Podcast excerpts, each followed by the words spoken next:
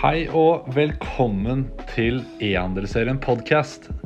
Denne serien er jo kjent fra LinkedIn, der vi går inn og dypdykker inn i temaer innenfor netthandel og handel. Vi tar opp temaer og går inn i teknikk, vi går inn i arkitektur, hvilke systemer har vært med selskaper for den veksten de har hatt, og mange andre spennende temaer. Følg med! Velkommen tilbake til enda en episode av e-handelsserien. Eh, I dag så skal vi prate litt om internasjonalisering. Og hvor vanskelig det er, hvilke utfordringer, hva som er viktig. Og jeg har jo med meg Henrik her fra Ja. Makes You Local. Ja, rätt. Bara trevligt att vara här också.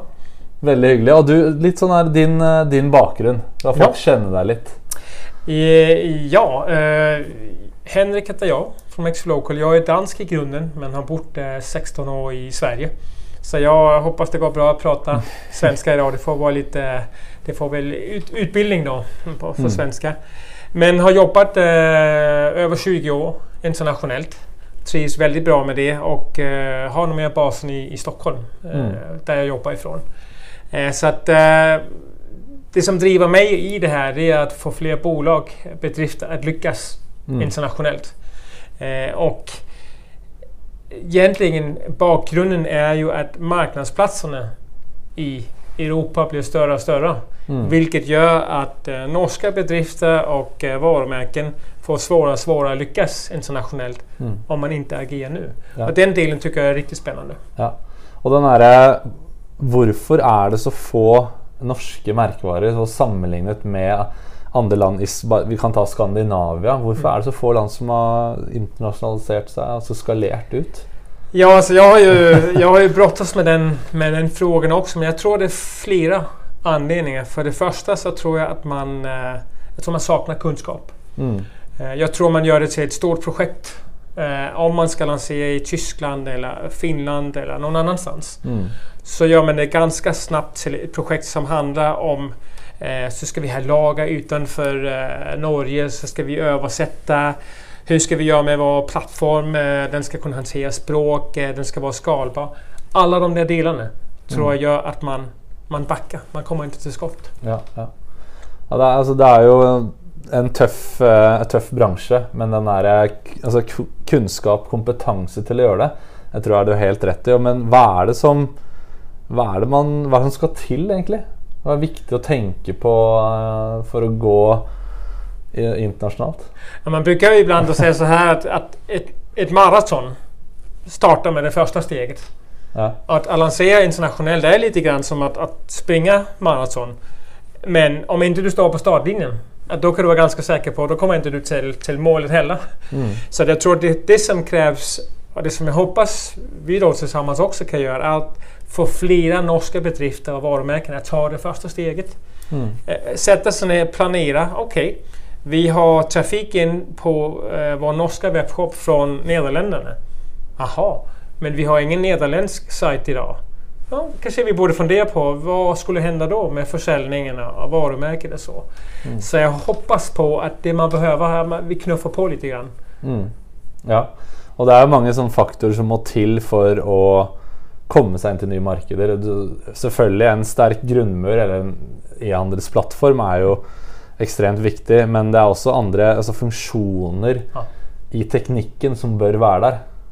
Jag tänk- tänker att, att det, man, det man står inför när man, när man lanserar, vi brukar också säga att, att så här, din plattform måste ju kunna det som en internationell kund förväntar sig. Mm. Och det är, det är givetvis att det handlar om moms, det handlar om tull. För många norska bedrifter handlar det om tull. Det handlar om språkversioner. Det ska vara, det ska vara enkelt att välja eh, rätt logistikpartner.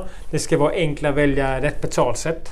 I Mm. Norge har ni eh, Vips, i Danmark har man Mobile Pay och i Sverige har man Swish. Mm. I, I Polen har man någonting annat. Eh, Så det är mycket det här som är viktigt. Då. Det är mycket det som jag tror man kanske ibland underskattar. Ja. Alltså hur viktigt är det det på plats? Ikke sant? For hvis jeg skal Jeg sier jeg har eh, en eh, merkevare jeg skal lansere i Tyskland. Eh, jeg trenger jo tysktalende personer, sikkert, for å yte det beste. Kundeservice er jo veldig viktig, og eh, kanskje litt sånn lokalt SEO-arbeid. Eh, vi, alltså, hvor, er det dere fasiliterer? Hvor er det, kan dere komme liksom, inn med en hel pakke? Ja, det, det roliga är att, att, att ehm, många av de varumärken som vi jobbar med, de har ju ingen tysk avdelning. De har ingen finsk avdelning. Men de är säljare till finska kunder eller till tyska kunder. Så att vi har valt att göra så här att man, om man jobbar med oss då, då, då köper man en del och ett team. Det kanske är lokal kundtjänst man behöver eller hjälp med marknadsföring eller lokalanpassning, översättning av språk. Så att egentligen så är det, det är väldigt anpassningsbart och det gör det kul att jobba med de här olika bedrifterna. Vi jobbar ju med allt från eh, trampoliner till eh, bedrifter som säljer kläder, och parfym, eh, glasögon, allt. Eh, så att jag är 100% säker på att det finns många norska bedrifter ute som tänker Yes, det här, nu, nu kör vi. Ja, Men, så jag hoppas på att det ska, min inbox den ska välta nu här efter. Ja, men det, det håper vi, og det jo derfor vi også, eller jeg ønsket å ha deg med. For jeg ser at du har jobbet med ganske mange kjente merkevarer før. Dere har god erfaring. Eh, og, men kan du liksom fortelle litt om hvilke reiser dere har vært med på?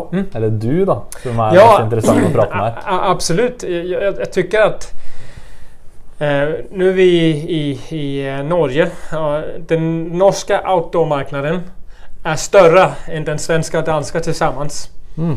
Eh, så det gör då att ett, exempel som, som jag tycker kan vara intressant att titta på och inspireras av är ett svenskt bolag som heter Garphyttan.